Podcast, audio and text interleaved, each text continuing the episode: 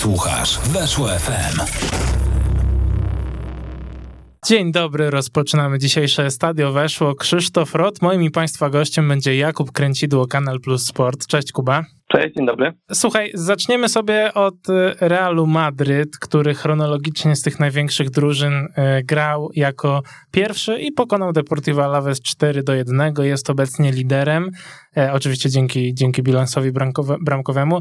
Na wstępie cię zapytam, czy zaskoczył cię choć trochę tercet ofensywny Bale, Benzema, Hazard? No bo chyba nie jest to coś, co by, czego byśmy się mogli spodziewać już na tym etapie sezonu. Myślę, że gdzieś tam w trakcie sezonu mogło się pojawić natomiast chyba nie spodziewaliśmy się, że to będzie tak wcześnie. Ja akurat spodziewałem się tego, że Ancelotti zacznie tą swoją teoretycznie najbardziej doświadczoną, najmocniejszą jedenastką, bo Bale w presezonie prezentował się nieźle, Hazard też było dużo doniesień na jego temat, że jest z nim wszystko w porządku, a z kolei mało było doniesień o tym, że w dobrej formie są czy Vinicius, czy Rodrigo, czy szczególnie Marco Asensio, który miał za sobą średnie Igrzyska Olimpijskie i też średnie ostatnie średnio ostatnie lata. Dlatego też uważałem, spodziewałem się tego, że Real wyjdzie w tym nowym tercecie BBH, czy tam jakkolwiek będziemy go teraz, teraz nazywać, ale ten, ten, ten, tercet nie spisał się źle. Nie wiem, czy Azardowi trzeba liczyć tę asystę piętką, czy nie, to się możemy pospierać. Bale dał też niezły występ. Benzema to klasa, klasa sama w sobie, ale też myślę, że Ancelotti miał świadomość tego, że grając na dystansie 90 minut i mając możliwość wprowadzenia na podmęczonego rywala piłkarza takiego jak Vinicius, czyli piłkarza szybkiego, dynamicznego, rozrywającego linię obrony, wiedział, że w razie czego, że w razie potrzeby będzie w stanie tę drużynę jeszcze solidnie ożywić. I tak też się stało. Hazard i Bale zagrali lepiej niż się spodziewałem. To nie znaczy, że zagrali dobrze, ale że mój poziom oczekiwań względem nich nie był aż tak wysoki, mm. jakby się można było spodziewać. Benzema zagrał na swoim fenomenalnym poziomie jednego z najlepszych napastników w Hiszpanii i tak naprawdę na tym Karimie Benzemie Real jest w stanie budować bardzo silną ofensywę, tym bardziej jeżeli do gry przyjdą na stałe właśnie zawodnicy pokroju Viniciusa, który był w Witorii naprawdę świetny, czy też dojdzie Rodrigo, czy dojdzie Marco Asensio, czy jeszcze którykolwiek inny zawodników pokaże coś więcej niż pokazywał do tej pory. To prawda, też mam takie, też mam takie nadzieje. A propos tego Karima Benzemy, no to on jest z pewnością jednym z niewielu piłkarzy, co do których w ogóle nie można się przyczepić, jeśli chodzi o Real Madryt w poprzednim sezonie. Natomiast największe problemy ten Real Madryt miał ze strzelaniem goli. Czy ty myślisz, że właśnie postawienie na tych takich doświadczonych wyjadaczy, którzy już nie jedną bramkę w swoim życiu strzelili, wiemy, że Vini ma ich do tej pory w Real Madryt chyba 14, więc to powiedzmy nie jest jakiś super e, okazały dorobek. E, czy myślisz, że właśnie postawienie na Bale'a i Azarda będzie takim antidotum na to, żeby Real wreszcie zaczął strzelać więcej goli? Wiesz co, ja myślę, że bardziej jest to kwestia nadziei. I tą nadzieją kibice Realu żyją mniej więcej od dwóch lat, bo w ciągu tych dwóch lat, pomijając to okno, od, znaczy od właściwie okna tego z 2019 roku, kiedy Real sprowadził Edena Hazarda i całą resztę piłkarzy za 300 milionów euro, to Real nie kupuje za bardzo zawodników, jednocześnie licząc na to, że odpalą piłkarze, którzy do tej pory albo zawodzili, albo mieli problemy zdrowotne, albo grali nieźle, ale oczekuje się od nich więcej. Hazard pierwszego dwa lata w Realu były słabe, o czym doskonale wiemy. Bale był skreślony przez Tottenham, oczywiście strzelił chyba 17 goli w Tottenhamie rok temu, co też jest solidnym wynikiem, biorąc pod uwagę fakt, że był tam napastnikiem, nie wiem, którego nawet wyboru. Mhm. Ale Real się opiera w dużej mierze właśnie na nadziei. Teoretycznie, gdybyśmy wzięli tę jedenastkę Realu Madryt i ustawili tych 11 piłkarzy w swoich najlepszych momentach karier, w dobrej formie i tak dalej, no to jest to zespół na miarę Ligi Mistrzów bez wahania. Ale problem jest taki, że ta dobra forma gwiazd Realu Madryt to w wielu przypadkach już przeszłość i niestety to jest ten sam argument, o którym mówiliśmy jeszcze rok temu, jeszcze dwa lata temu, w którym pojawiają się dobre mecze Realu Madryt, znowu idziemy i po, i po tych dobrych meczach idziemy kierunku ściany tego, że Real jest świetny, wybitny i że stać go na wszystko, ale przyjdzie kolejne, przyjdzie pierwsza lepsza wpadka Realu Madryt, niezależnie czy będzie z jakimś wielkim rywalem, czy z mniejszym i znów się pojawią wątpliwości wobec tej drużyny. Na razie daję czas Ancelottiemu, bo jestem ciekawy tego nowego Realu Madryt. Jestem ciekawy tego, jak Carletto będzie ufał młodzieży, na którą, którą tak zachwalał też było dla mnie zaskakujące, że w pierwszej kolejce nie wyszedł Miguel Gutierrez w podstawowej 11, a Alaba grał na lewej stronie boiska. Ciekawy jestem, jak będzie wyglądała ta drużyna właśnie pod kątem nowych systemów, pressingu, defensywy, no bo widzieliśmy, że w Witorii ten wynik jest wysoki, ale też nie wydaje mi się, by na dystansie 90 minut to różnica klas między obiema drużynami była tak duża, by usprawiedliwiała wynik 4 do 1. Real wygrał ten mecz przede wszystkim dzięki fenomenalnej skuteczności w pierwszym kwadransie drugiej połowy. To był okres naprawdę znakomitej gry Realu Madryt, to był okres, w którym na królewskich patrzyło się świetnie i to był okres, w którym królewskim piłka się działa. Tak, to, to prawda. jest też duży problem Realu Madryt, że on mając te okazje, on zawsze je kreował, ale nie był w stanie ich wykorzystywać. I gdyby był w stanie to robić, no to wtedy rzeczywiście można, można mówić o dużych nadziejach. No ale znów, wyciąganie wniosków na podstawie jednego meczu jest moim zdaniem zdecydowanie przedwczesne. Trzeba poczekać i zobaczyć, jak ta drużyna będzie wyglądała w kolejnych meczach. Tutaj ciekawy jestem na przykład tego, czy jeszcze gdzieś się w końcowych dniach okna coś nie wydarzy transferowego, czy może nagle Florentino nie wyjmie jakiegoś królika z kapelusza, bo pojawiły się plotki też o Cristiano Ronaldo, które na Twitterze zdementował sam Carlo Ancelotti, co jest dla mnie naprawdę sporą rzeczą, tak. bo Carlo na Twitterze napisał Cristiano to jest legenda Realu Madryt, ma mój pełen szacunek, ale nigdy nie, nigdy nie planowałem jego transferu, patrzymy do przodu. Mhm. Ciekawy jestem, co znaczy to patrzenie do przodu. Mi się wydaje, że w Madrycie wszyscy czekają na lato kolejnego roku kiedy z drużyny odejdą niechciani już za bardzo Marcelo, odejdzie Isco, odejdą dwa piłkarze z dużym budżetem, z dużą pensją. Prawdopodobnie rozstanie się też Real z Luką Modriciem, któremu już wiek chyba nie będzie pozwalał na grę na tak wysokim poziomie, chociaż ten piłkarz nas regularnie zaskakuje i nie chcę niczego w jego kontekście wykluczać. Ale tak naprawdę gdzieś się pojawia sporo przestrzeni w budżecie płatowym, jest sporo kasy gdzieś zachomikowanej przez Florentino, czy to na, na przebudowę stadionu, ale też właśnie w celu potencjalnego wydania jej na transfery. No i jest też sporo piłkarzy, którym albo wygasają kontrakty, jak Mbappe czy Goretce, albo których, po, po, których Real po prostu może sięgnąć w, w letnim oknie transferowym. Więc wydaje mi się, że teraz ten sezon jest taki na przeczekanie, na zobaczenie, na to jeszcze stać tę drużynę, która swoje ostatnie tango tańczysz chyba po raz czwarty czy któryś tam, czy któryś tam w ostatnich latach, ale która wciąż może nie jest faworytem do Mistrzostwa Hiszpanii, chociaż za takiego uznają ją bukmacherzy, ale jest drużyną, która powinna przynajmniej teoretycznie powalczyć z Atletico, czy Barceloną, czy też Sevillą o Mistrzostwo Hiszpanii. Mhm. I tak kończąc powoli ten temat Realu Madryt, yy Przyszedł Carlo Ancelotti, przyszedł Carlo Ancelotti i to był y, ruch, który był uznawany za taki dość, powiedzmy, przeciętny, że to nie był w ostatnich latach trener na taki dość wysoki poziom, y, że nie odnosił zbyt wielkich sukcesów z Evertonu, poza tym, poza tą serią czterech zwycięstw na początku chyba poprzedniego sezonu, y, gdzie byli liderem Premier League przez dwie kolejki. E, natomiast e, ja jak teraz sobie patrzę na to, co się dzieje, no to tak, wyciągam kilka pozytywnych wniosków. Po pierwsze, jeśli chodzi o grę, bo nie oglądamy już tej taktyki tysiąca jednej wrzutki, jaka często miała miejsce w meczach za Zinedina Zidana. E, oprócz tego zdecydowanie widać poprawę w kwestii przygotowania fizycznego. Tutaj honory oddajemy Antonio Pintusowi, ale jedna rzecz, która też mi się rzuciła w oczy, to jest to, jak Carlo mówi o futbolu.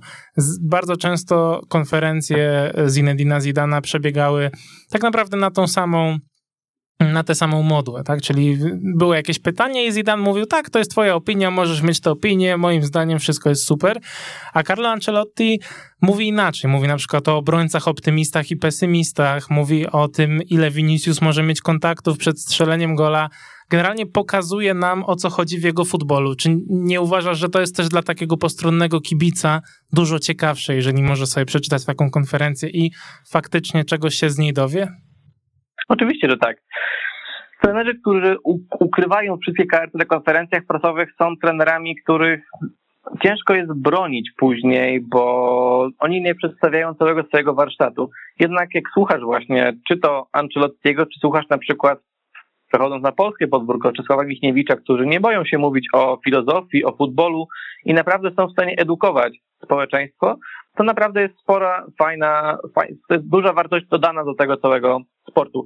Mam wrażenie, że na tej jednej konferencji prasowej Carlo Ancelottiego było więcej konkretów niż na 95% konferencji prasowych Zidana. No, przyszło, przychodzi Ancelotti do Madrytu, dla którego jest to tak naprawdę ostatnia szansa na powrót do wielkiego futbolu, ale to też nie jest tak, że Real miał kim przebierać na tym rynku trenerskim, bo jak rozmawialiśmy już kilka tygodni czy kilka, kilka miesięcy temu, tych nazwisk trenerskich stopów wcale nie jest tak dużo i do każdego tak naprawdę się można przyczepić. Tak naprawdę z takich topowych, potencjalnych nazwisk trenerskich był Max Allegri przez chwilę na rynku i tyle. I za bardzo nie było tutaj kim już szachować, kogo szukać. Pojawiały się kandydatury Raula niedoświadczonego, czy właśnie trenerów, którzy mają świetny wizerunek z jednej strony i genialne doświadczenie właśnie jak Ancelotti, ale którzy już są troszkę jakby na drugim, którzy byli troszkę na drugim planie tym sportowym. Ja naprawdę jestem ciekawy tego, co Carlo tutaj wymyśli. Ten pierwszy mecz jest optymistyczny, daje powody do, daje powody do tego, by w tę drużynę wierzyć, ale jeszcze bym wstrzymał konie i pełne peany nad Realem Madryt, bo ta drużyna już rok temu też grała takie mecze, po których się nad nią zachwytaliśmy, aby później wpaść kryzys. Inną sprawą oczywiście jest to, że w Hiszpanii kryzys trwa trzy dni i później jesteś w stanie zamienić ten kryzys w największy Real Madrid w historii, no ale generalnie prawda jest taka, że gdzieś trzeba w tym wszystkim zachować spokój i rozsądną głowę. Tak, to też prawda. Hiszpanie mają mimo wszystko taką tendencję do wrzucania od razu jakichś wielkich, pochwalnych artykułów. My bądźmy trochę bardziej wstrzemięźliwi, a przechodząc do Atletico, Atletico również. W ogóle to jest, to jest ciekawa wiadomość, że wszystkie cztery drużyny, które się było, biły o mistrzostwo w pewnym momencie ubiegłego sezonu, na starcie nowego sezonu swoje mecze dość pewnie raczej wygrały, tylko właśnie wydaje mi się, że z tej czwórki to Atletico chyba miało największe ciężary, to znaczy Celta mogła um, jak najbardziej zagrozić Atletico, gdyby na przykład Jago Aspas wykorzystał tę sytuację w końcówce, to myślę, że Atleti mogłoby stracić punkty. No, mieliśmy kilka słabszych występów, szczególnie Marcos Llorente mnie trochę zawiódł, ale oczywiście zrzucam to na karp tego, że tak naprawdę mamy jeszcze okres przygotowawczy, że te pierwsze mecze, pierwsze 3-4 mecze zawsze są ciężkie. Mhm. Jak ty oceniasz ten występ na Balaidos? Bo mi się wydaje, że no, zdecydowanie jest nad czym pracować. Porównując Real Sevilla, Barcelonę i Atletico Madryt, to Atletico miało zdecydowanie najtrudniejszego rywala. Mi się wydaje, że ciężko będzie pozostałym trzem kandydatom do mistrzostwa wywieźć zwycięstwo z Balaidos i zrobić to w naprawdę dobrym stylu, bo Atletico dominowało na Balaidos. To nie był zły mecz w wykonaniu Rochi Blancos, którzy byli w stanie grać na swoich warunkach z Celtą Vigo, która odbijała się często od defensywy rywala. Były dwie sytuacje, w których, w których zagroziła bramce Jana Oblaka tak naprawdę. Pierwszą był ten irracjonalny rzut karny za zagranie ręką Marcosa Jorente. Drugą była kontra, w której Jago Aspas, jakby, nie wiem, czy to karma, czy cokolwiek innego, ale, ale popisał się jednym z kandydatów do pudła sezonu. Atletico mi się bardzo podobało w tym meczu. Uważałem, że naprawdę grało swoje, było drużyną, która doskonale wie, co ma robić na boisku i też Simeone wciąż odkrywa nowe karty w tej drużynie. Oczywiście on Helu Correi powiedzieliśmy już wszystko w tamtym sezonie, ale on dopisuje kolejną kartę tej niesamowitej historii. Tutaj ładuje dwie, dwie bramki na Balaidos i ten chłopak, którego niegdyś krytykowaliśmy za nieumiejętność dopasowania się do systemu Atletico na stałe, nagle się okazuje, że ma 8 goli w 10 ostatnich meczach Atletico Madryt, w tym dzisiaj dwa zwycięskie trafienia z Celtą Vigo, czy chwilę wcześniej, w 38 kolejce, gol na wagę 1 do 1 wówczas z Realem Valladolid. Bardzo podobał mi się Kondogbia w środku pola. Tym, co było dla mnie symptomatyczne właśnie w kontekście Kondogbi, było fakt, że gdy Simeone mówił o środkowych pomocnikach na konferencji prasowej i tłumaczył tam, na którego dla którego z zawodników postawi, że jest duża konkurencja i tak dalej, jako pierwszego wymienił właśnie Kondogbie. Kondogbia pierwszy rok w Atletico miał słaby, on nie był w stanie przebić się do jedenastki, ale ciężko pracował w presezonie, postawił sobie za cel, że będzie liderem tej drużyny i rzeczywiście w pierwszym meczu wyglądał jakby, jakby chciał na stałe się do tego Atletico wbić, bo on do niego bardzo pasuje. Drużynie brakowało takiego fizycznego, potężnego człowieka w środku pola. Kondog jakimś takim jest, dysponuje znakomitym rozegraniem piłki i naprawdę przyjemnie się na niego patrzyło. Dla mnie to właśnie Joffrey Kondogbie jest zwycięzcą tego spotkania w wykonaniu Atletico Madryt i ciekawy jestem, gdzie w tej całej układance Simone znajdzie miejsce dla Rodrigo de Pola. Mhm, a jak tak patrzysz właśnie na kadrę Atletico, wspomniałeś o Rodrigo de Polu, który oczywiście jest do, dość dużym wzmocnieniem. Ja szczerze mówiąc nie oglądałem go w życiu więcej niż powiedzmy 4-5 razy od kiedy opuścił Walencję, ale za każdym razem jak go oglądałem, to robił na mnie dość, dość dobre wrażenie. Mówi się jeszcze o ściągnięciu napastnika, a my w końcu nie wiemy. Ten Rafa Mir się chyba wysypał, choć to by była na pewno bardzo ciekawa opcja. E, czy Atletico nie ma w tym momencie najbardziej kompletnej kadry z tych wszystkich drużyn, które będą walczyły o tytuł? Moim zdaniem ma. I mają także dlatego, że jest ta kadra skończona pod kątem stylu gry. W Madrycie, w tej białej jego części, Carlo Ancelotti coś próbuje zmieniać. Wprowadza nowe schematy pressingu, nowe schematy wyprowadzania piłki, ma całkowicie nowy środek obrony tak naprawdę i tam gdzieś to wszystko musi się powoli jeszcze zgrać. Barcelona to w ogóle jest pole w tym momencie pracy. Ten pierwszy występ z Realem Sociedad też był optymistyczny, ale nie zdziwię się, jeżeli to wszystko się zmieni o 180 stopni po kolejnym meczu Barcelony z Atletikiem na San Mamés. A Atletico doskonale wie, co ma robić. To jest stały, a Simone ma swój fundament, ma piłkarzy, którym ufa. Tutaj ta, ta drużyna, która wyszła na Balaidos, ona też nie była idealną jeszcze, bo nie było w 11 Suareza, nie było zmęczonego Trippiera, nie było Rodrigo de Pola, kontuzjowany był Felipe, kontuzjowany Joao Felix, więc gdzieś ta, gdzieś ta siła, ta siła składu jest naprawdę bardzo, bardzo duża. Jakbyśmy spojrzeli na listy składów, na, na listy piłkarzy, którzy są w składach Atletico, Realu i Barcelony, no i też Sevilla, która jest jednym z kandydatów do tytułu, no to myślę, że ta kadra Atletico jest w tym momencie najbardziej jakościowa i najbardziej szeroka, co w sytuacji, w której trzeba grać na trzech frontach, na tego będzie, wymaga, tego, to będzie wymagane od Simeone w tym sezonie, to jest naprawdę duży atut Atletico Madryt, no i tym bardziej właśnie ten, tym bardziej, że oni absolutnie nie muszą szukać nowej filozofii. Oni doskonale wiedzą, co grać, jak grać, po co grać. Jest mnóstwo automatyzmów i nawet w tym systemie dość szalonym, który widzieliśmy na Balaidos, z Llorente na wahadle, z Carrasco na prawej stronie i tak dalej, ta drużyna funkcjonowała po prostu dobrze.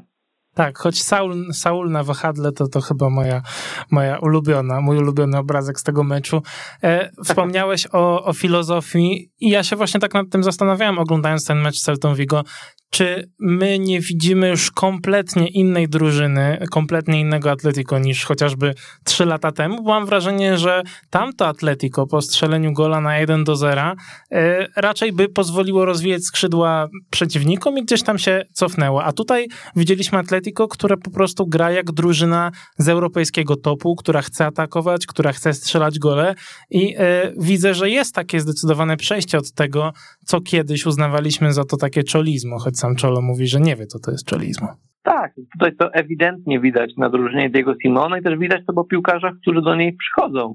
To już nie są wyłącznie przecinacy czy wyrobnicy. Dzisiaj w składzie Atletico gra naprawdę fura ofensywnych piłkarzy. W tej jedenastce, która wyszła na mecz z Celtą Vigo było trzech stoperów, no i tak naprawdę na tym moglibyśmy zakończyć opis piłkarzy defensywnych. Rodrigo de Paul to jest piłkarz grający na całej długości boiska i tak naprawdę ten zespół się nie nadaje do takiej gry, którą Simeone preferował na starcie swojej pracy. Musimy, musimy pamiętać, że ta kadra przeszła mega ewolucję. Od 2013-2014 roku, roku, gdy Atletico zdobywało tytuł, w składzie pozostał chyba tylko Koke. Nie pamiętam, czy Saul był już wtedy w drużynie, czy jeszcze nie. Ale prawda jest taka, że w tym sezonie 13-14 mistrzowskim Atletico miało drużynę stworzoną do gry z kontry, do gry takiej twardej, fizycznej, często brzydkiej. Teraz ma kadrę stworzoną, stworzoną do gry dużo bardziej kombinacyjnej, intensywnej, szybkiej, nowoczesnej. Naprawdę przyjemnie się na, na, na tą drużynę patrzy i te hasła o czolizmu, czy o bronieniu i o defensywce 1-0 i tak dalej, są już po prostu nudne, no bo mijają się z prawdą, to jest jedna rzecz, na druga, że Atletico już tak po prostu od długiego czasu nie gra. Jasne, oni dalej potrafią bronić, dalej potrafią uprzykrzyć życie rywalowi bardzo mocno, no ale to jest po prostu część ich tożsamości, a nie całość jej. Mhm. Przechodząc do Sewilli, to był twój y, mecz, który komentowałeś. Wydaje mi się, że twój pierwszy w Kanal Plus, nie wiem czy się mylę. Drugi, drugi, bo było jeszcze Levante z Hedykcem. Okej, okay, więc drugi. E, jak ci się podobał ten mecz? No bo oczywiście Rayo Vallecano jest takim e, Beniaminkiem, który ja nie wiem, czy nie będzie z nim chyba najłatwiej grać. Takie mam wrażenie po tym spotkaniu. Oczywiście też dużo łatwiej się gra, jeżeli w 16 minucie bramkarz rywali otrzymuje czerwoną, e, czerwoną kartkę. Natomiast jak ci się podobała ta gra? Bo mam wrażenie, że poza faktem, że same bramki przyszły w dużej mierze dość szczęśliwie, no poza tą trzecią, gdzie to była naprawdę faktycznie składna akcja, To z Sevilla mimo wszystko pokazuje, że przynajmniej na, na taki poziom drużyn, które awansowały do Primera Division, jak najbardziej jest w stanie spokojnie te mecze wygrywać, tak bez absolutnie żadnego problemu. Do momentu gola na 0 do 1 Rayo mi się bardzo podobało. Wyszło na mecz z pomysłem, kompaktowo, dobrze zatrzymywało ataki Sevilla i samo też próbowało coś tam kontrować, no ale potem się gra totalnie sypie. Ściągasz z boiska, bramkarz schodzi, tracisz gola na 0-1, ściągasz z boiska tak naprawdę swój fundament gry ofensywnej w, w osobie Trecho i gdzieś to wszystko traci po prostu sens. Do tego Mario Suarez na środku obrony był, no, no nie chcę powiedzieć fatalny, no ale kurczę, taki po prostu był. Kompletnie nie pasował do tej, do tej roli niestety kapitan Rajowa, kapitan Rajowa Vallecano. I Rajo, myślę, że ja, ja jak przed startem sezonu zastanawiałem się, kto z La Liga zleci, to Rajo wskazywałem jako faworyta do tego miana, bo uważam, że ma kadrę najsłabszą w La Liga, ale po tym meczu gdzieś troszkę optymizmu we mnie wjechało, no bo uważam, że Rajo jednak nie jest tak słaby, jak się wydaje, nawet mimo tego, że ten Erik Baju na prawej stronie obrony był objeżdżany brutalnie przez kolejnych rywali mhm. e, z drużyny Sewilli. Ale wracając właśnie do drużyny Andaluzyjczyków. Oni wygrali 3-0. Pierwsza połowa była średnia w ich wykonaniu, to była połowa, której strzelili gola na 1 do 0, ale grając w tym systemie z trójką stoperów w bardzo eksperymentalnym ustawieniu, bo grali bez Ocamposa, bez, um, bez Olivera Torresa, bez Suso, bez Bono, bez Iwana Rakicicia jeszcze, bez pięciu kluczowych postaci tej drużyny, to Sevilla nie do końca wiedziała, co ma robić i miała spory problem z, z blokowaniem bocznych sektorów boiska, miała problem z, z wolnymi przestrzeniami, które się gdzieś, gdzieś tam pojawiały i kluczowa była zmiana systemu w przerwie.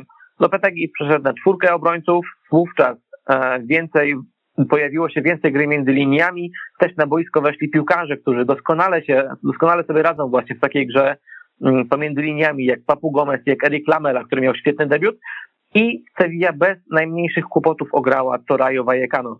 Ale też, tak jak patrzę na tę Sevillę, to uważam, że po niej mm, na razie nam trudno jest mówić, czego możemy po niej oczekiwać, bo też ta Sevilla jest drużyną, która jest dopiero w budowie. Przez długi czas okna Monczy był spokojny, Monczy nic nie robił, Monczy tylko się przyglądał.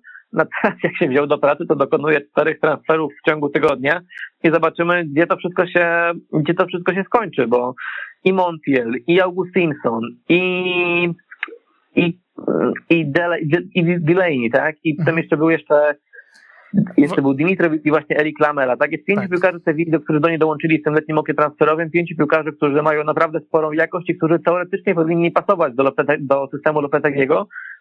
Tylko na pytanie, co też Sevilla zrobić z piłkarzami, piłkarzami, których trzeba było odstrzelić.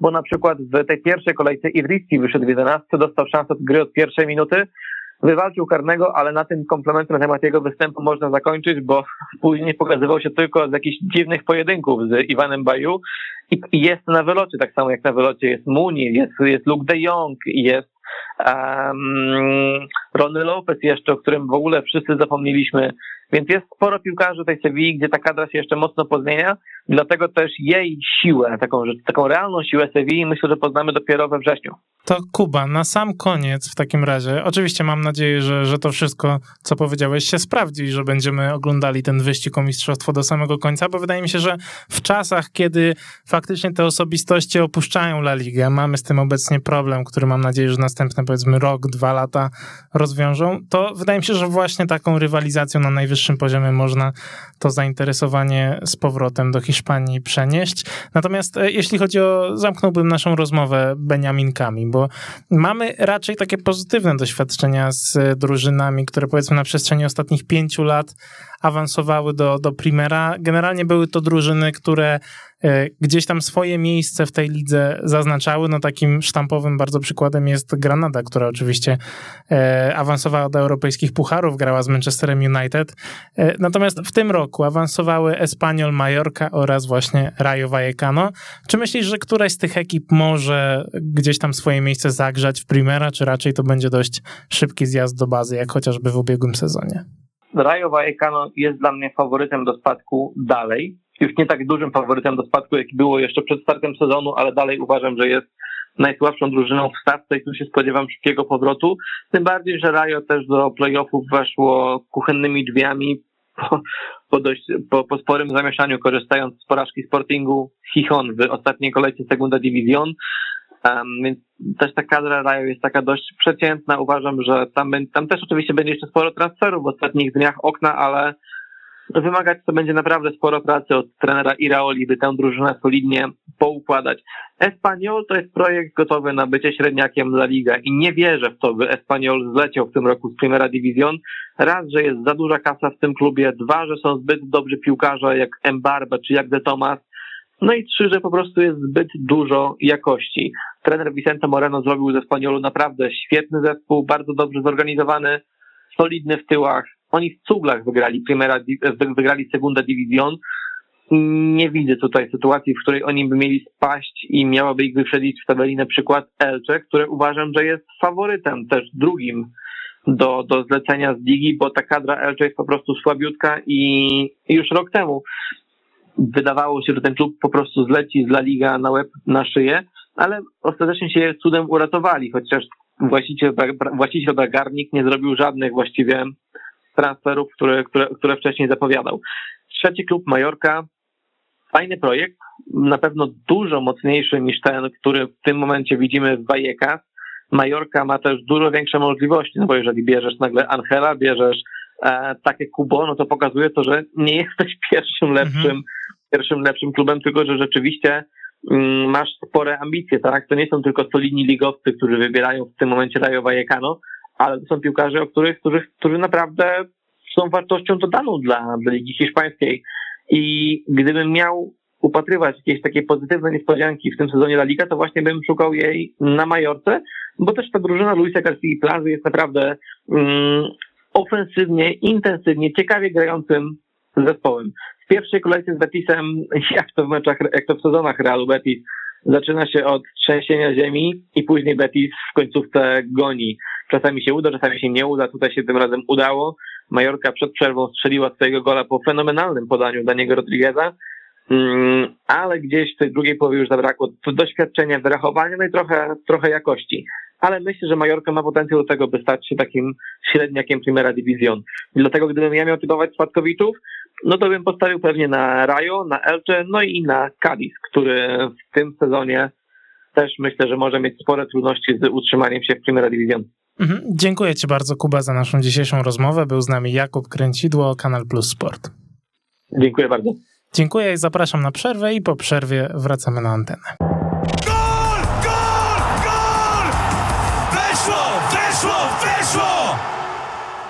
I wracamy na antenę, a jest już z nami Adrian Białkowski, prosto z Barcelony, portal No Camp No. Cześć Adrian. Cześć Krzysiek, cześć wszystkim, miło Cię słyszeć w nowym sezonie. Tak, Ciebie też jak najbardziej miło słyszeć, no i dlatego też na wstępie zapytam Cię mm, o to, jakie masz wrażenia po pierwszej wizycie na Camp Nou w meczu ligowym od bodajże to już półtora roku. Tak, 17 miesięcy, dokładnie chyba 526 dni, jeżeli dobrze pamiętam, także no, dużo wody upłynęło od ostatniego meczu, e, który także był z Realem Sociedad. To był 7 marca bodajże 2020. E, mm. E, więc tak, tak symbolicznie można powiedzieć, to się wszystko zamknęło. Wrażenia, no bardzo dobre, bardzo dobre. Przede wszystkim sam powrót kibiców na Camp Nou, no to było coś tak wyczekiwanego, tak niesamowitego. Też e, ci z Was, którzy oglądali, e, to pewnie zauważyli, że Camp Nou dość głośne. E, nawet można zaryzykować stwierdzenie, że było głośniejsze niż czasami przy 100 tysiącach, przy 100 tysiącach ludzi, chociaż było tylko 20 tysięcy mhm. z lekkim hakiem kibiców ze względu na te limity sanepidowskie. Więc najpierw mówiono, że będzie 30 tysięcy, ale w końcu jeszcze to dalej zmniejszono, więc, e, więc naprawdę było widać, że ludzie są spragnieni piłki. I, I ten klimat też był taki dosyć dobry, ponieważ to w sumie byli w głównej mierze kibice e, karnetowcy, a, a nie jacyś przypadkowi, nie, nie turyści. Trochę turystów było oczywiście, ale, ale głównie to byli ludzie, którzy faktycznie są z Barcą od, od zawsze, więc to się dało wyczuć. Mm, więc e, bardzo dobre sensacjones, e, te odczucia z, e, z powrotu na stadion. Nawet właśnie mimo tego, że takie ograniczone ograniczona pojemność. No i mecz też pokazał, że istnieje życie po, po Messi, więc raczej, raczej pozytywnie chyba wszyscy do tego podchodzą. Takie miałem wrażenie. Tak, zdecydowanie. dobry. Zdecydowanie było słychać to, że to ludzie bardzo zaangażowani. Też, też się zdziwiłem, jak głośno było, mimo że tak jak mówisz, no to, to nie była nawet chyba jedna piąta e, pełnej pojemności. Słuchaj, przechodząc do spraw takich, no to, to jest sprawa trochę około sportowa. E, obniżka pensji Gerarda Piqué, kapitan Barcelony, jeden z kapitanów, e, zgodził się na bardzo wysoką obniżkę pensji, co pozwoliło z kolei zarejestrować e, Memphisa, Erika Garcia oraz Emersona. Czy to nie jest takie działanie? Znaczy, nie chcę tutaj się do, dopatrywać jakiegoś e, dodatkowego motywu ukrytego, bo e, jak najbardziej wierzę, że to jest e, ze strony Pique taki gest w kierunku klubu, który jak najbardziej powinniśmy szanować. Natomiast czy to nie jest tak, że on dzięki temu, e, dzięki tej obniżce już tak naprawdę wygrał wybory prezydenckie, w których kiedyś tam pewnie w przyszłości będzie startować? E, no, jest to możliwe. Reakcja Camp Nou była naprawdę niesamowita. To znaczy, nazwisko Piqué było skandowane praktycznie przez cały mecz. Od samego początku, jak się tylko pojawił. No później jeszcze strzelił gola, który otworzył wynik, więc no to w ogóle podwójna radość i mhm. też ucałował herb. Więc e, stadion był w euforii i, i wszyscy doceniają mm, ten gest e, właśnie, o którym powiedziałeś, czyli to, że obniżył sobie pensję po to, żeby można było zarejestrować tych trzech zawodników. No ja się tego obawiałem, że to będzie problem właśnie z tą rejestracją. E, bardziej niż samego odejścia Leo Messiego, powiem szczerze, bo jak już odszedł, to już było wiadomo, że odszedł, więc trzeba się skupić na drużynie. A, a jednak gdybyśmy, gdyby tak się okazało, że sprowadziliśmy czterech zawodników, e, których nie można zarejestrować do rozgrywek, no to byłaby po prostu kompromitacja, no jedna z największych w historii Barcelony, prawda? Więc mhm. mhm. mimo to, że to było tak na ostatnią chwilę i z łapanki, to, e, to dobrze, że to się tak wszystko zakończyło. E, fajnie, że mamy nową gwiazdę w La Liga, czyli Memphisa, który dał bardzo pozytywny e, występ i, i, i można, mm, można oczekiwać, że tak będzie też w przyszłości. E, no i Piqué, no, czy wybory wygra? Być może tak, być może tak. E, nie wiem oczywiście, czy będzie startował już w tych następnych. On sam powiedział, że bo Piqué też został streamerem przecież e, właśnie dopiero co. E, więc to było też super, że facet najpierw obniża pensję, żeby mogli e, jego koledzy z drużyny zagrać, później strzela gola na 1-0 i w ogóle cały mecz był w jego wykonaniu perfekcyjny praktycznie. Po czym wraca sobie na luzie do domu i wieczorem streamuje tam do pierwszej 30 w nocy na, na, na Twitchu. E, no legenda, legenda, naprawdę. To, to, prawda, ten, ten jego Twitch to jest zupełnie nowa jakość w dziennikarstwie sportowym, w mediach sportowych. Wspomniałeś o Memphisie Depayu, ja bym go sobie zostawił, e, bo teraz chciałbym, żebyśmy poruszyli temat właśnie tych debiutów nowych, nowych zawodników. Chciałbym, żebyśmy hmm. sobie Memphisa zostawili na deser, więc na początku cię zapytam o e, Erika Garcia. Ja się raczej gdzieś tam spodziewałem, że zagra, że zagra Ronald Araujo, on chyba nie jest jeszcze gotowy w 100%, tam dostał minuty w końcówce. Natomiast zagrał Eric Garcia, zagrał dość solidnie. To od niego, od jego odbioru agresywnego się wzięła, wzięła jedna z bramek i generalnie myślę, że można było mieć oczekiwania takie dość umiarkowane, bo to jednak był gość, który w tym Manchesterze City to nie pograł za dużo, ale już w samym debiucie pokazał, że jak najbardziej Barcelona może mieć z niego pociechę. Jak ty widzisz jego też kompatybilność powiedzmy z Gerardem Piqué, bo mam wrażenie, że właśnie Piqué go tak trochę wypychał do przodu, jakby chciał, żeby, żeby Erik brał na siebie trochę większą odpowiedzialność. Tak, zgadza się. Mm, wiesz co, Eric Garcia jako w cudzysłowie produkt La Masi e, umie grać piłką, e, umie grać e, z piłką przy nodze, umie wyprowadzać piłkę, czego na, na przykład brakuje wspomnianemu przez ciebie Ronaldowi Araujo. Więc powiedzmy, że w tym momencie przy obecnym układzie kadry docelowo naszą dwójką stoperów powinien być właśnie Araujo i Eric Garcia, natomiast nie wiemy ile to zajmie, a Piqué będzie, dopóki będzie w stanie, będzie grał i będzie mentorem dla, dla Erika.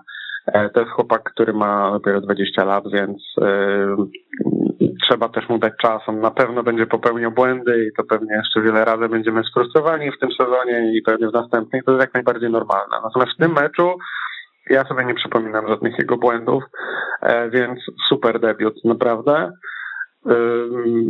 Mam nadzieję, że, że ta przerwa właśnie, bo on City, tak jak powiedziałeś, nie grał zbyt wiele, już właściwie było wiadomo od zimy, że będzie próbował przejść e, do Barcelony i, i tam na niego wiele nie stawiano, no bo wiadomo, ale, ale wydaje się, że to może być świetny transfer, no tym bardziej, że transferem darmowym, co w dzisiejszych czasach w Barcelonie to jest jedyna możliwość tak mhm. naprawdę w, w obecnej sytuacji. E, więc jakby podwójnie można na niego e, e, liczyć. I troszeczkę ta droga się pokrywa z tym, co sam Piquet przeszedł przecież, bo Piquet też był wychowankiem La Masi, też poszedł na wyspy do Manchesteru, tylko że do czerwonego, nie niebieskiego. I też wrócił nie za darmo, ale za 5 milionów euro, no to powiedzmy, mhm. że to są symboliczne kwoty właściwie i został legendą Barcelony, więc my wszyscy byśmy chcieli, żeby tak samo było z Erikiem Garcją kiedyś, ale to zdecydowanie za wcześnie, żeby jeszcze o tym mówić. Na pewno chłopak ma, ma potencjał na to, żeby zostać e, świetnym defensorem. No dobrze, to idąc dalej, mamy Emersona, który dostał, ja już nie pamiętam, czy on dostał 20 minut czy 15 no, e, powiedzmy, nie wiem, mnie nie przekonał, mnie Emerson też nigdy jakoś szczególnie nie przekonywał, jak grał w Betisie. E, nie wiem, czy obwiniasz go o, o tę pierwszą straconą bramkę. Ja myślę, że mógł się zachować zdecydowanie lepiej i nie mam przekonania, czy on jest lepszym wyborem niż chociażby Serginio Dest. Tak, no on dostał 20 minut i faktycznie, no chyba trzeba powiedzieć obiektywnie, że był najsłabszy na boisku. E, to nie były dobre minuty. On e, z samych rzutów z autu chyba stracił cztery piłki. No to są takie rzeczy, których po prostu profesjonalny mhm, piłkarz na pewnym poziomie nie może robić. I, i też ja bym mu raczej e, główną winę przypisał przy, przy tej bramce straconej. Także debiut daleki od oczekiwanego. E, Serginio Dest e, no, grał dobrze, natomiast on jest dobrym zawodnikiem, mam wrażenie, do, do ataku, a w obronie mu dużo brakuje. Także e, on naprawdę z przodu wygląda bardzo dobrze, umie dryblować i, i praktycznie zachowuje się jak skrzydłowy albo jakiś napastnik boczny, ale jak przyjdzie do bronienia, no to już różnie z tym bywa. Więc to może być problem na ten sezon dla Barcy, ponieważ no tam nie ma za bardzo alternatywy. To znaczy jest oczywiście ukochany przez wszystkich e, Kules Sergi Roberto, ale no my wiemy, że on na prawej stronie no będzie grał, ale wiemy, że pewnego poziomu nie przeskoczy, prawda? No, czy w środku będzie grał lepiej, to też nie wiadomo, no, ale powiedzmy, to jest jego bardziej naturalna pozycja. No a na prawej obronie się po prostu nie sprawdził. To nie był ten poziom, którego oczekiwaliśmy, więc w tym momencie niestety wygląda to tak, że na prawej obronie jest trzech zawodników, z których żaden nie jest pewniakiem, ale no, nie będziemy oceniać też do końca transferu po 20 minutach. No, mhm. Nie tacy zawodnicy przechodzili do Barcelony i mieli problemy, żeby daleko nie patrzeć, ani Suarez, ani Neymar też na przykład. E, na samym początku tak bardzo nie zachwycali, więc dużo lepsi zawodnicy od niego sobie e, mieli problemy z aklimatyzacją.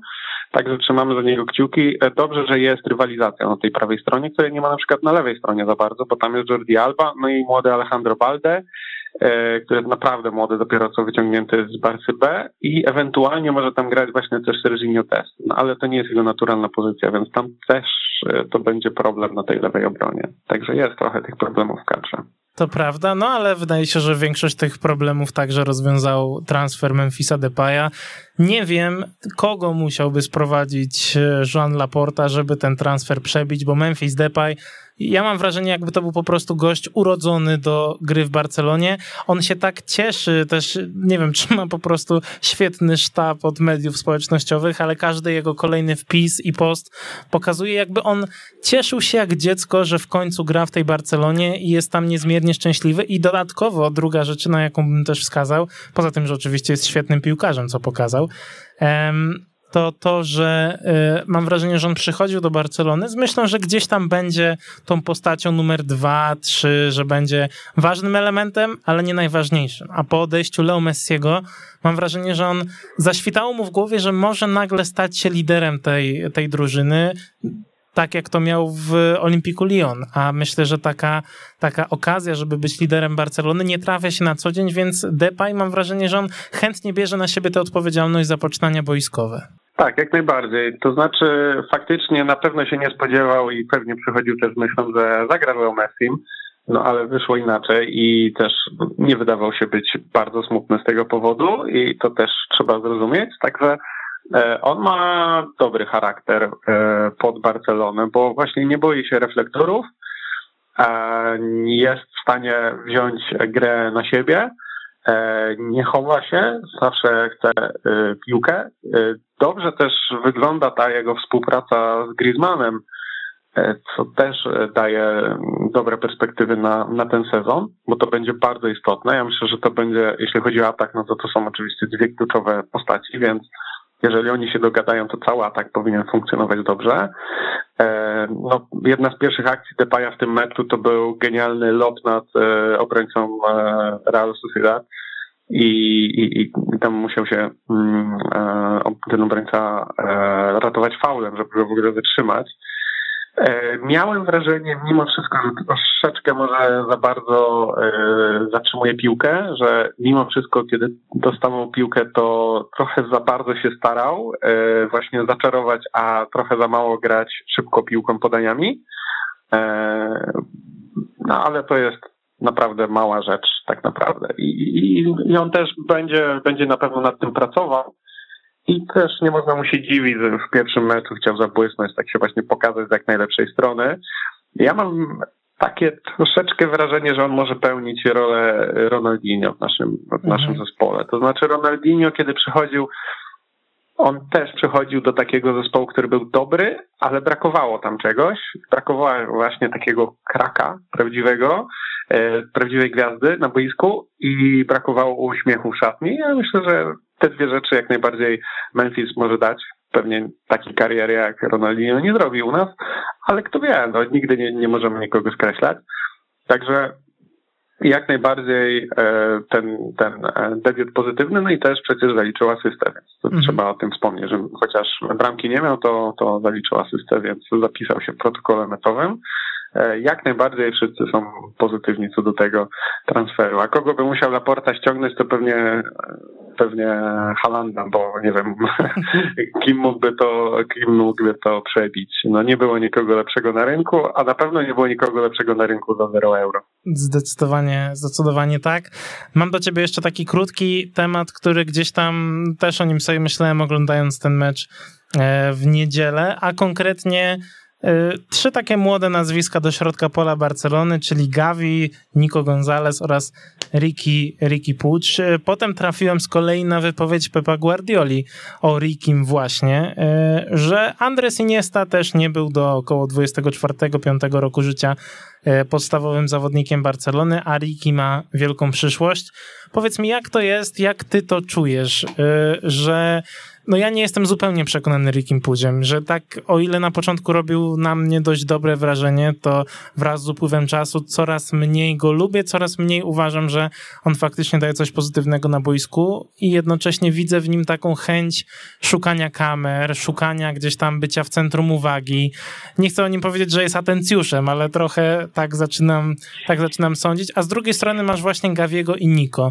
Ja mam wrażenie, że y, Ronald Kuman już w tym meczu pokazał, że że faktycznie tę dwójkę stawia trochę wyżej od, od Rickiego i Ricky raczej nie ma co liczyć na zbyt wiele gry pod jego okiem. No niestety na to wygląda. E, ta wypowiedź Pepa Guardioli to myślę, że niestety, ale była czysta kurtuazja. Po prostu ktoś go pewnie o to zapytał, więc co miał powiedzieć? No, mm, nie przywiązywałbym bardzo e, wagi do tych słów. E, Iniesta, Iniesta w wieku 20 bodajże dwóch lat e, wszedł e, w drugiej połowie na finał w Paryżu i wygrał nam ten finał praktycznie, więc trochę jednak porównanie na wyrost, ale faktycznie nie był, to nie było tak, że już jako 18-latek wchodził do, do pierwszego składu, nie, to, to trwało, to pod tym względem jak najbardziej Guardiola ma rację. Ale no nie oszukujmy się, Ricky nie będzie drugim Iniestą. E, nie wiem, czy kiedykolwiek się takiego piłkarza dorobimy jeszcze. On był e, jedyny w swoim rodzaju. E, my też o Rikim już rozmawialiśmy wielokrotnie. No, dużo, dużo dymu, a mało efektów z tego wszystkiego jest. To znaczy, on gra bardzo efektownie i stara się błysnąć, ale ma wielkie wady taktyczne, wielkie takie podstawowe błędy, jakie czasami popełnia, to się człowiek łapie za głowę. No i, i też już nie jest taki młody, no przed 18-latek Pedri, właśnie zaraz o Gawin będziemy mówić. No a on właściwie przez to, że już u trzeciego e, trenera ma problem, no to właściwie dużo nie gra e, w tej drużynie i raczej, raczej obawiam się, że to się nie zmieni i, i mimo wszystko ja doceniam to, że on ma serce bordowo-granatowe, jest wychowankiem i chciałby tu zostać, to jest super. I na przykład e, też e, taką drogę wybrał Czawi, który był przecież kiedyś bardzo blisko odejścia do Milanu i na szczęście dla nas został, chociaż miał świetną ofertę i wiemy wszyscy, jak to się później ułożyło, no ale to nie będzie raczej ta historia. To po prostu nie jest ta, ta skala y, talentu, y, dyscypliny taktycznej. Co do tego, czy jest atencjuszem, nie wiem. faktycznie szuka kamer i faktycznie jak ma, jak jest na boisku, to, to stara się zabłysnąć. Co do y, może Nico Gonzalesa, ja jestem wielkim fanem tego piłkarza. Y, miałem okazję być na kilku meczach Barcy B, bo z jakichś przyczyn można było chodzić na mecze Barcy B, a nie można było chodzić na mecze pierwszej drużyny y, w tamtym sezonie, więc widziałem chyba 5 czy 6 jego meczów, gdzie on grał. To pamiętam taki mecz w którym e, patrzyliśmy, czy straci jakąkolwiek piłkę i, i nie stracił żadnej. Więc e, chłopak naprawdę ma kontrolę, ma oczy dookoła głowy. Porównywalne z takim młodym Sergio Busquetsem. Zobaczymy, jak się to rozwinie.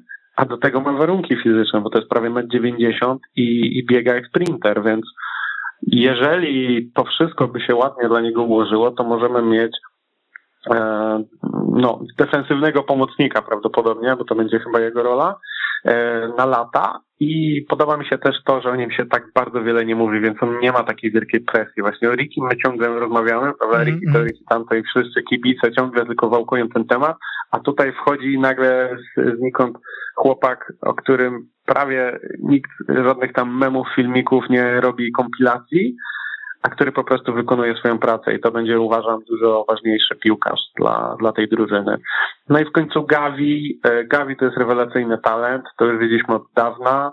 E, Gavi mm, teraz dopiero skończył chyba z tydzień temu czy dwa tygodnie temu 17 e, lat, więc to też jest mega młody chłopak. Ale jak patrzysz na niego, jak on się zachowuje, to to już jest piłkarz, który wie co robić. To właśnie tego nie ma Riki. No, Gavi nie, nie powiedziałbyś, gdybyś nie, nie, nie, znał jego metryki, nie powiedziałbyś, że on ma raptem 17 lat. Mhm. To jest niesamowity talent. No i trzeba go wprowadzać, trzeba dawać mu szansę. Też nie ma co go obciążać mm, nadmiernymi oczekiwaniami, ale wydaje mi się, że, że tutaj się nie musimy martwić o, o, o tę sytuację. No i jeszcze tylko może wspomniałbym o tym, że jeszcze mamy przecież gdzieś tam E, w tyle drużyny Elisha Moribe, który prawdopodobnie już nie jest w planach, nie wiadomo w ogóle, czy on ten kontrakt przedłuży, czy, czy po prostu e, będzie rok siedział bez gry i, i w końcu odejdzie gdzieś. Bardzo smutna w sumie historia. Wydaje mi się, że, że to nie jest jego decyzja do końca, tylko ma, no, źle go tam kierują. Jego, nie wiem, jego ojciec, jego, jego agent nie, nie mają na, na względzie jego dobra, a raczej e, dolary w oczach i, i to się bardzo źle może dla niego skończyć, bo chłopak na, na takim poziomie to powinien grać i powinien grać regularnie i on by grał, gdyby nie to, że właśnie mają problemy z, z dogadaniem się.